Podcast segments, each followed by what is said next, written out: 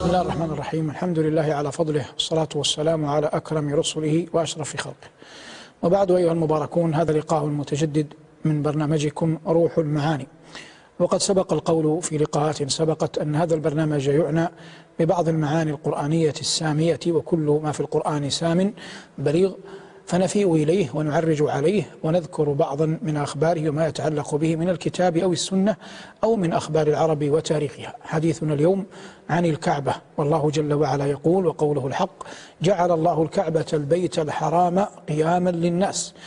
فالكعبة بيت الله جل وعلا. قال جل ذكره إن أول بيت وضع للناس للذي ببكة مباركة. والحديث عن الكعبة من وجوه متعددة نبدأها بالتالي. سأل أبو ذر رسول الله رسول الله صلى الله عليه وسلم عن أول بيت وضع في الأرض أول قال البيت الحرام. قلت ثم أي؟ قال المسجد الأقصى. قلت ثم مي؟ ثم أي؟ قال قال كم بينهما؟ قال أربعون عاما. الكعبة وضعت للعبادة.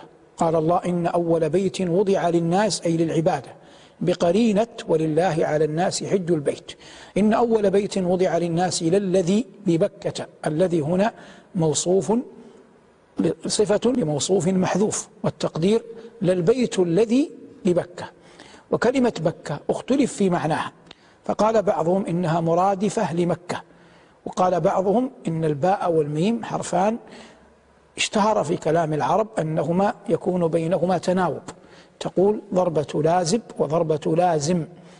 وقال آخرون وهو الحق إن شاء الله أن بكة المراد بها موضع الكعبة ومكة الحرم كله مكة الحرم كله وبكة بالباء موضع موضع البيت موضع الكعبة. إن أول بيت وضع للناس للذي ببكة مباركة. سمى الله جل وعلا بيته مباركة لأن عنده ترفع الدرجات تغفر الخطيئات تمحى الزلات ولهذا جعل الله جل وعلا الحج إلى البيت من أعظم الأركان. وقال نبينا صلى الله عليه وسلم من حج البيت فلم يرفث ولم يفسق رجع كيوم ولدته أمه. من أول من بنى البيت؟ المشهور أن أول من بناه الملائكة. بنته الملائكة لآدم عليه السلام لما أهبط إلى الأرض. كما أن الملائكة في السماء تحف بالبيت المعمور فإن الكعبة يحف بها أولياء الله الصالحون. فبنت الملائكة الكعبة لخليل الله جل وعلا لنبي الله جل وعلا آدم أبي البشر بعد أن أهبط إلى الأرض. ثم إن البيت أصابه ما أصابه من التغير وربما كان هذا قبل طوفان نوح أو بعده. ثم إن الله جل وعلا أوحى إلى الخليل أن يرفع القواعد من البيت. وإبراهيم عليه السلام ولد في العراق ثم هاجر إلى الشام وكان معه في الشام زوجته سارة ولم تكن قادرة على الإنجاب كانت عاقرة. ثم إنها أهدي لها جارية هي هاجر من قبل ملك حاول أن يتسلط عليها فمنعه الله. فأهداها هاجر فأهدت هاجر فهدت سارة هاجر إلى خليل الله إبراهيم فتزوجها فأنجب منها إسماعيل. ثم إن الله جل وعلا أمر الخليل أن يهاجر بزوجته وابنه إلى البيت الحرام قبل أن يبنى. فأتى الخليل ووضع زوجته وابنه ثم تنحى قائلا رب إني أسكنت من ذريتي بواد غير ذي زرع عند بيتك المحرم ولم يكن البيت يومئذ قد شيده الخليل مما يدل على أن البيت كان له أثر سابق من قبل وأن إبراهيم ليس أول من بناه سلام الله عليه. عاد إبراهيم إلى الشام. ثم عاد بعد ذلك يتفقد تركته فلم يجد ابنه وجد زوجة الإبن سألها عن ابنه دون أن يخبرها أنه أبوه فشكت له الحال. فقال إذا جاء إسماعيل فأقرئه مني السلام وقولي له غير عتبة بابك. فجاء إسماعيل كأنه آنس شيئا قال هل من حضر أحد؟ قالت جاء رجل من وصفه كذا وكذا. قال هل أوصاك بشيء؟ فأخبرته قال هذا أبي وقد أمرني أن أفارقك. فطلقها. ثم تزوج امرأة أخرى من جرهم من القبيلة نفسها. فجاء إبراهيم ولم يجد إسماعيل كذلك فسألها عن إسماعيل فأخبرت أنه ذهب يقتات لهم. فسألها عن طعامهم فأخبرته أنه اللحم والماء فدعا لهم أن يبارك الله لهم في اللحم والماء. ثم إن إبراهيم عاد ثالثة فوجد ابنه إسماعيل تحت دوحة يبري نبلا له. فقام إسماعيل إلى أبيه وقام إبراهيم إلى ابنه فتعانق. ثم قال الخليل لابنه إن الله أمرني أن أبني له بيتا. قال أي رب أي أبتي أطع ربك. قال وتعينني قال نعم. فدل إبراهيم على البيت. قال الله جل وعلا وإذ بوأنا لإبراهيم مكان البيت. واختلف العلماء كيف عرف إبراهيم مكان البيت تحديدا. فقال بعضهم إن ريحا إن ريحا جاءت فكنست مكان البيت. وقال آخرون إن سحابة أظلت موقع البيت. أيا كان أخبر إبراهيم بوحي من الله عن مكان البيت. وهذا معنى قول الله وإذ بوأنا لإبراهيم مكان البيت. فأخذ إبراهيم يرفع البناء وابنه إسماعيل يعينه. وكان دور إسماعيل دورا مباشرا. ولهذا قال الله وإذ يرفع إبراهيم القواعد من البيت وإسماعيل ربنا تقبل منا. ولم يقل وإذ يرفع إبراهيم القواعد من البيت وابنه أو سكت عنه. وإنما نص عليه حتى يعلم أنه كان لإسماعيل ما كان لإبراهيم. من بناء البيت وإن كان إسماعيل تبعا. ارتفع البناء فاحتاج إبراهيم إلى أن يرتقي فجاء له ابنه إسماعيل بصخرة فوضع الخليل عليها قدمه قدميه فألان الله الصخرة تحت قدميه وأصبح موضع القدمين باقيا وهو ما يعرف بمقام إبراهيم. قال الله جل وعلا واتخذوا من مقام إبراهيم مصلى. وقال ربنا فيه آيات بينات مقام إبراهيم. وقد أدركت قريش هذا ورأت موضع النعلين موضع قدمي إبراهيم في الصخر. قال أبو طالب في لميته الشهيرة وموطئ إبراهيم في الصخر رطبة على قدمي حافيا غير ناعل. والإنسان يستفيد من هذا أنه لما ألان خليل الله قلبه لله ألان الله الصخر تحت قدميه. فكل مطلوب ومرغوب إنما يعطى بالله وكل مرهوب ومكروه إنما يدفع بالله قال العز بن عبد السلام والله لن يصلوا إلى شيء بغير الله فكيف يوصل إلى الله بغير الله؟ المراد من هنا هذا ما يعرف بمقام إبراهيم وهو أيها المبارك من الناحية التاريخية كان المقام ملتصقا بالبيت ما بين الحجر الأسود وما بين حجر إسماعيل. لأنه عقلا أين يدفع أين يوضع الباب أين يوضع المقام؟ حيث ينتهي الإنسان. وغالبا إن الباب آخر ما يوضع في البيت. فبجوار الباب بين الباب والحجر وجد مقام إبراهيم. ثم إن عمر رضي الله تعالى عنه رضي الله تعالى عنه أخره إلى مقامه الموجود الآن. ثم بنيت عليه قبة كبيرة ثم تقريبا في عام 84 للهجرة 1384 للهجرة من أعوامنا هذه اجتمع علماء الأمة في رابطة العالم الإسلامي واتفقوا على إزالة القبة وإبقاء المقام بالصورة التي هو عليها الآن بحيث يبقى ظاهرة دون أن يكون كبيرا جدا يؤذي يؤذي المصلين. والله جل وعلا قال فيه آيات بينات مقام إبراهيم. هذا ما يتعلق بالمقام.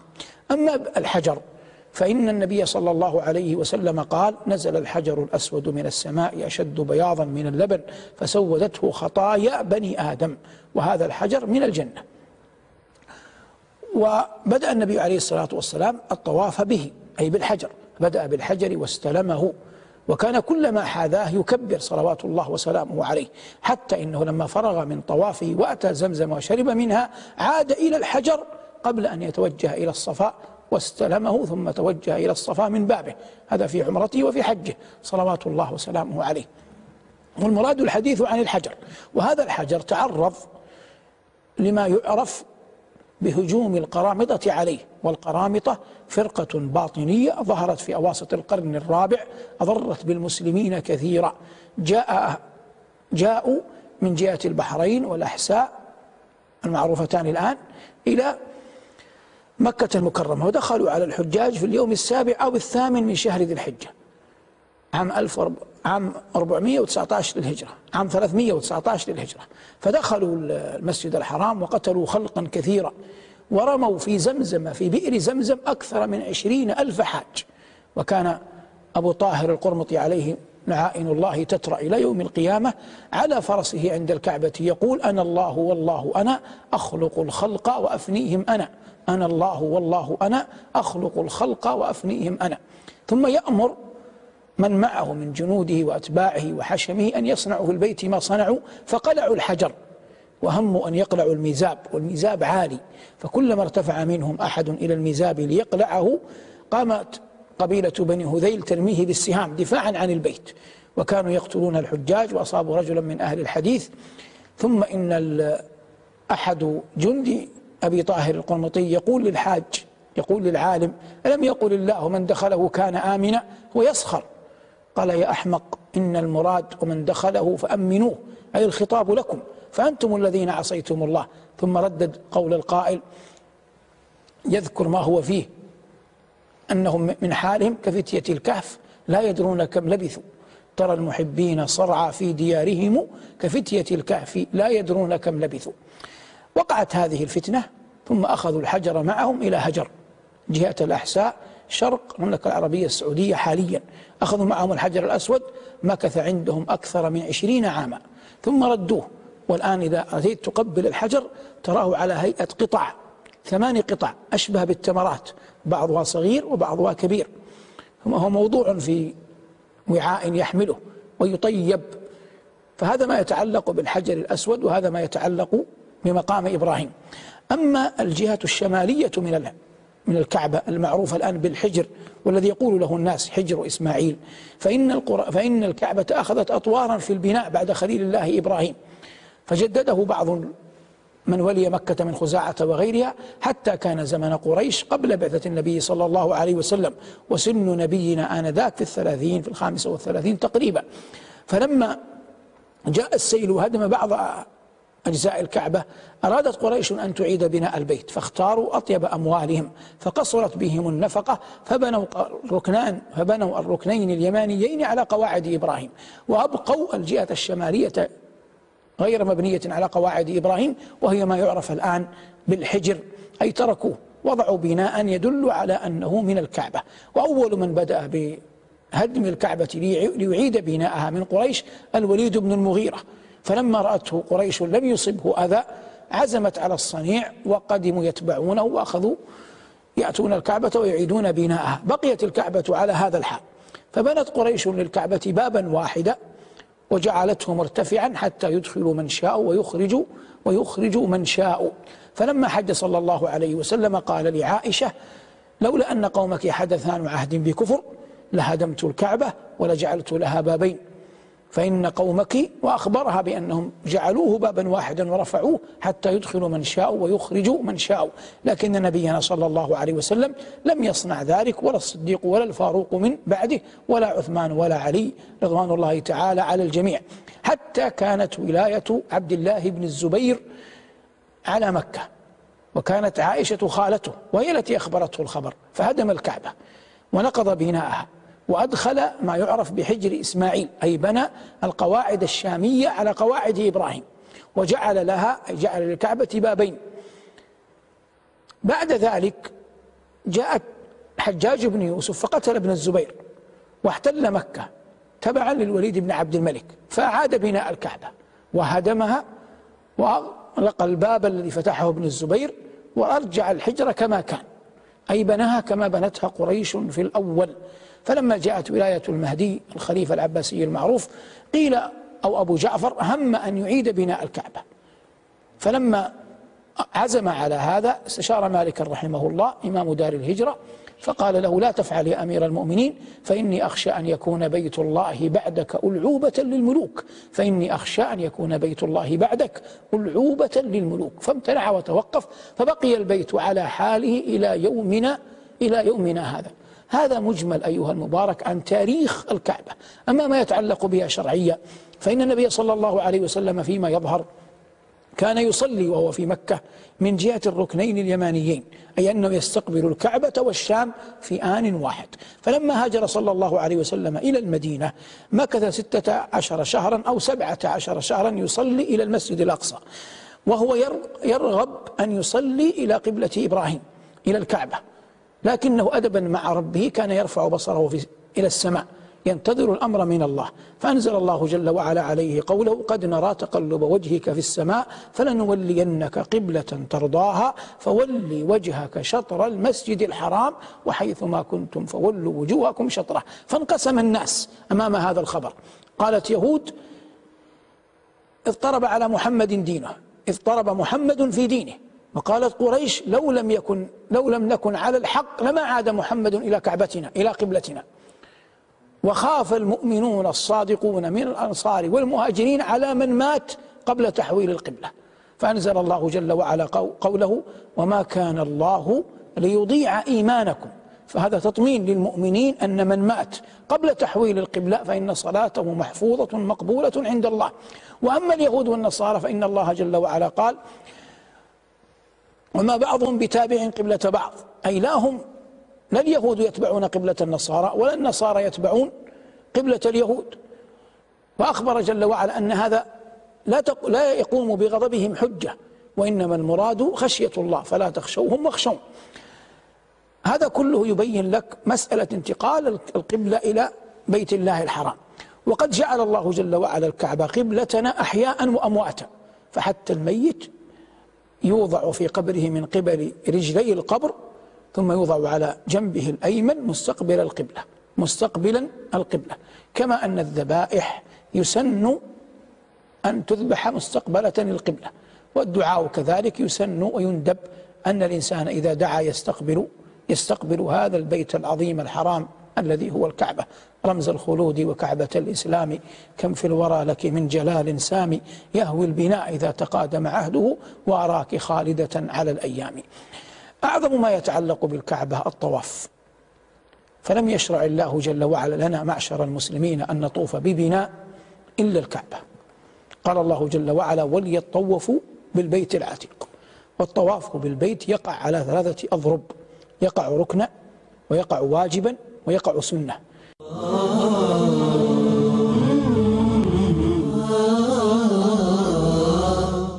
فإنه يقع ركنا في الحج والعمرة. فلا بد من في الحج والعمرة من طواف ركن. يسمى في الحج طواف الإفاضة ويسمى في العمرة طواف العمرة. وهو المقصود بقول الله في الحج وليطوفوا بالبيت العتيق.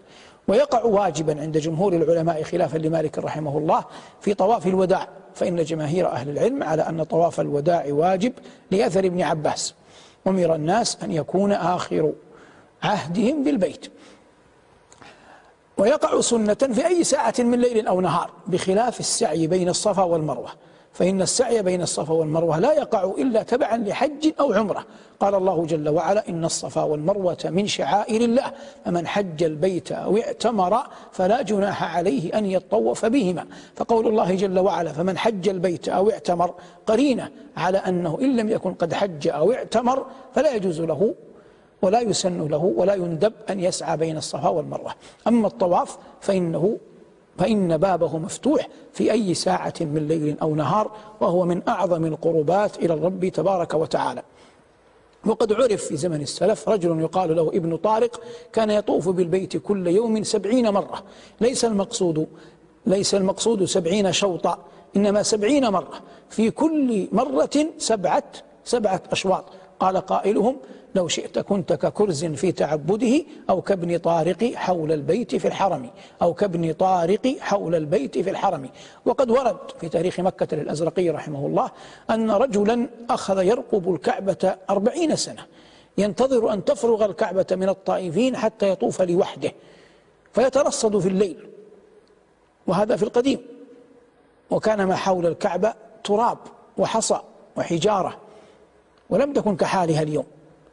ففرغ البيت ذات يوم فقام ليطوف فبينما هو يطوف إذا بحية بجواره تطوف.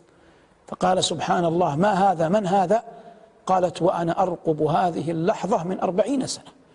حتى يعلم كل أحد أن الكثير غيره ينافس في الطاعات ويسابق في الخيرات. والله جل وعلا كم من ملك في السماوات كم من ملك في السماوات يعبده وكم من عبد صالح في الأرض يرجوه. فلسنا وحدنا من يعبد الله.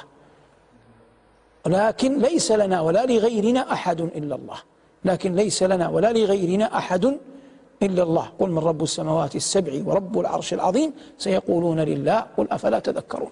والمقصود أيها أفلا تتقون. والمقصود أيها المبارك بيان فضل الطواف بالبيت العتيق وأنه من أفضل من أفضل القربات. ما بين الركنين اليمانيين؟ يقول القائل أو يدعو ربنا آتنا في الدنيا حسنة وفي الآخرة حسنة وقنا وقنا عذاب النار. هذا ما يتعلق بالطواف. مر معنا كثيرا أن الله جل وعلا حكم بالزوال على كل شيء. وقال ربنا ويبقى وجه ربك ذو الجلال والإكرام. في آخر الزمان يسلط الله على الكعبة رجلا يقال له ذو السويقتين تصغير ساق مصيلع أفيدع. أي فيه عاهات. فانظر هذا البيت الذي حماه الله وأجاره من جبروت الجبابرة يسلط عليه رجلا ضئيل الجسم ذي عاهات. يقلعها حجرا حجرا ويسلبها كنوزها. فلا يحج بعد ذلك البيت ولا ولا يعتمر. وفي هذا عبرة للناس أن يعرفوا قدرة ربهم تبارك وتعالى وأن لله جل وعلا حكمة. وله جل وعلا مع ذلك المشيئة النافذة والحجة البالغة والنعم السابغة على عباده. هذا ذو السويقتين يكون خروجه في آخر الزمان يهدم الكعبة ويقلعها حجرا حجرا يقول صلى الله عليه وسلم كأني أنظر إليه. فيعجب المرء أن رجلا في مقام أبرهة وجنده وفيله يحجب ويصد عن البيت يحجب ويصد عن البيت. وهذا ذو العاهات يصل إلى الكعبة. حتى يعلم أن كل شيء بقدر الله جل وعلا. وخبر أبرهة قال ربنا ألم ترى كيف فعل ربك بأصحاب الفيل؟ ألم يجعل كيدهم في تضليل؟ وأرسل عليهم طيرا أبابيل ترميهم بحجارة من سجيل فجعلهم كعصف مأكول. لم يكن حماية البيت زمن أبرهة إكراما لقريش بقرينة أن أبرهة ومن معه كانوا نصارى أهل كتاب وقريش كانوا وثنيين. ولا ريب أن الكفر ملة واحدة لكن النصارى أقرب هديا إلى الإسلام من الوثنيين. فلم يكن حماية البيت من النصارى رغم وجود الوثنيين حوله إكراما للوثنيين وإنما إظهارا لجلالة البيت وإرهاصا وتوطئة لبعثة سيد الخلق وأشرفهم نبينا صلوات الله وسلامه عليه. وقد عد العلماء هذا من دلائل نبوته صلوات الله وسلامه عليه.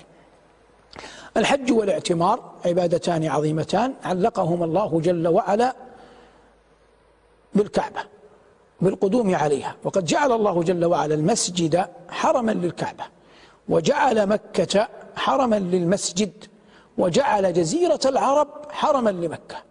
جعل الله المسجد حرما للكعبة وجعل مكة حرما للمسجد وجعل جزيرة العرب حرما حرما لمكة. ولهذا قال صلى الله عليه وسلم لا يجتمع في جزيرة العرب دينان. لا يجتمع في جزيرة العرب دينان وليس المقصود أن لا يدخلها إلا مسلم. إنما المقصود أن لا يكون لهم لواء منصور ولا إمرة ولا ولاية. أما ما دون ذلك فالأمر فيه واسع بقرينة أن عمر رضي الله تعالى عنه وأرضاه إنما قتله أبو لؤلؤة المجوسي. ولم يكن مسلما طرفة عين. ولهذا قال عمر رضي الله تعالى عنه وأرضاه عنه أي عن أبي لؤلؤة الحمد لله الذي لم يجعل منيتي على رجل سجد لله قط حتى لا يحاجني عند عند الله. هذا ما يتعلق بقضية تسليط ذي السويقتين على الكعبة وكيف أن الله جل وعلا منع أبرهة وجيشه عنها. نبقى في قضية القرامطة التي ذكرناها آنفا. كيف سلطوا على البيت؟ تسليطهم على البيت بعد أن ظهر جلال البيت فلم يكن ما صنعوه مما يغير نظرة الناس وإجلالهم للبيت. بقيت كما هي. وإن كان نقل عن أبي طاهر أنه كان يقول أين الطير أين الطير الأبابيل؟ أين الحجارة من سجيل؟ يقوله تهكما. لكن الوقائع أعظم الشهود. الآن أين أبو طاهر؟ في قبره يلعنه اللاعنون. والكعبة كما هي قائمة سامقة قبلة للمسلمين يفد إليها الناس من كل حدب وصوب.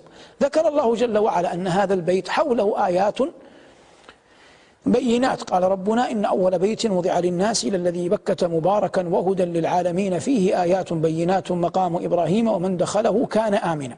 ومما حوله هذا البئر المبارك المعروف ببئر زمزم الذي جعلها الله جل وعلا كرامة لإسماعيل وتأييدا لأمه هاجر. وقد قال صلى الله عليه وسلم عن ماء زمزم أنه طعام طعم وشفاء سقم وماء زمزم لما شرب له. وقد كان الصالحون قبلنا إذا شربوا من زمزم يتوخون بذلك دعوة صالحة.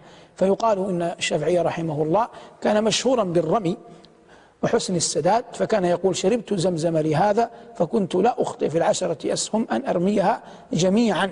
ويقولون عن عبد الله بن المبارك العالم المحدث المجاهد أنه كان لما يشرب ماء زمزم يقول اللهم إني أشربه لعطش يوم القيامة. والخطيب البغدادي لما زار مكة شربه وسأل الله جل وعلا ثلاث أمور فأعطي إياها كلها من مطالب الدنيا ومنها أنه يقبر بجوار فلان ابن فلان فقبر بجوار فلان ابن فلان كما دعا والإنسان يتوخى مثل هذه المواطن وهذا مما اشتهر بين المسلمين من غير نكير فيفعله وحرره الأئمة الكبار في في كتبهم وهذا كله ما يتعلق بما حول البيت من آيات من آيات بينات. نبقى في قضية كسوة الكعبة. يقال أن أول من كساها تبع ثم ما زال الناس يكسونها إلى يومنا هذا. وتسلم كسوة الكعبة في كسوة الكعبة في أعوامنا هذا في اليوم الأول من شهر من شهر ذي الحجة. نختم بالحديث عن سدانة البيت. النبي عليه السلام قبل أن ينبأ أو بعدما نبئ بقليل هم أن يدخل البيت فمنعه عثمان بن أبي طلحة فقال صلى الله عليه وسلم كيف بك يا عثمان إذا كان مفتاح البيت بيدي أضعه حيث أشاء فاستبعد عثمان هذا. وقال ساخرة إذا هانت قريش يومئذ وذلت. فلما كان يوم الفتح دخل صلى الله عليه وسلم الكعبة. بعد أن أمر أن يخرج ما فيها من تماثيل وصور. ثم دخل وصلى داخلها صلوات الله وسلامه عليه. وهو خارج قبل أن يصل إلى الباب. ابتدره العباس وعلي عمه وابن عمه يسألان السدانة أي الحجاب مع السقاية كانت السقاية في بني عبد المطلب. فنزل عليه جبرائيل بقول الله جل وعلا إن الله يأمركم أن تؤدوا الأمانات إلى أهلها. فأخذ صلى الله عليه وسلم بعضد بعضدتي الباب وقال أين عثمان بن أبي طلحة؟ فجاءه فأعطاه مفتاح البيت وقال خذوها يا بني شيبة تالدة أي من قديم خالدة أي إلى آخر الزمان. خذوها يا بني شيبة تالدة خالدة لا ينزعها منكم إلا ظالم. خذوها يا بني شيبة تالدة خالدة لا ينزعها منكم إلا ظالم. هذا ما يتعلق بالبيت العتيق. خذوها خالدة ثالثة لا ينزعها منكم إلا ظالم. إلى يومنا هذا ولله الحمد والفضل والمنة سدانة البيت في بني في بني شيبة. سدانة البيت في بني في بني شيبة يستلمون الكسوة كل عام. ويشرفون على أن تكسى الكعبة بها وبيدهم مفتاح الكعبة. هذا هو بيت الله فتعظيمه بالحج إليه. كما أن من طرائق تعظيم أن يهدى إليه الهدي سواء كان المسلم حاجا أو معتمرا أو غير حاج أو معتمر. يجوز أن يهدي الإنسان للكعبة هديا. والنبي صلى الله عليه وسلم كان وهو في المدينة يهدي للحرم. وقد أهدى صلى الله عليه وسلم للحرم في عمرة الحديبية وفي عمرة القضاء وأهدى جملا. كان قد حازه يوم بدر لأبي جهل ليغيظ به الكفار ليغيظ به ليغيظ به الكفار. والمقصود أن الهدي من شعائر الله العظام وقد كثر نسيانها عند الناس اليوم ويحسن بالمرء بين الحين والآخر. إذا حج أو اعتمر أن يهدي للبيت وإن كان هذا ليس بواجبة إلا لمن كان قارنا أو متمتعا في حجه فعليه الهدي قطعا. المقصود من هذا أيها المباركون أن البيت عظيم وتعظيمه بالوفادة إلى الله تبارك بالوفادة على الله تبارك وتعالى بقلب خاشع ونفس مطمئنة والطواف بالبيت وأنت تعلم أن هذا البيت بيت الله تبارك اسمه وجل ثناؤه فتعظم ربك بالتهليل والتحميد والتسبيح. لو قلت عند أول طوافك اللهم إيمانا بك وتصديقا بكتابك ووفاء بعهدك فهذا حسن فيروى أن الله جل وعلا لما أخذ العهد والميثاق من بني آدم وهم في عالم الأرواح أودع ذلك العهد والميثاق الحجر فهو يشهد لمن استلمه بصدق يوم يوم القيامة. قال الله وإذ قال ربنا تبارك وتعالى وإذ أخذنا من بني آدم من ظهورهم ذريتهم وأشهدهم على وإذ أخذ ربك من بني آدم من ظهورهم ذريتهم وأشهدهم على أنفسهم ألست بربكم؟ قالوا بلى شهدنا أن تقولوا يوم القيامة إنا كنا عن هذا غافلين أو تقولوا إنما أشرك آباؤنا من قبل وكنا ذرية من بعدهم أفتهلكنا بما فعل المبطلون؟ بلغني الله وإياكم من الخير أكثره. واجعلني الله وإياكم ممن يستمع القول فيتبع أحسنه. هذا ما تيسر إراده وتهيأ إعداده. وأعان الله على قوله صلى الله على محمد وآله والحمد لله رب العالمين. والسلام عليكم ورحمة الله وبركاته.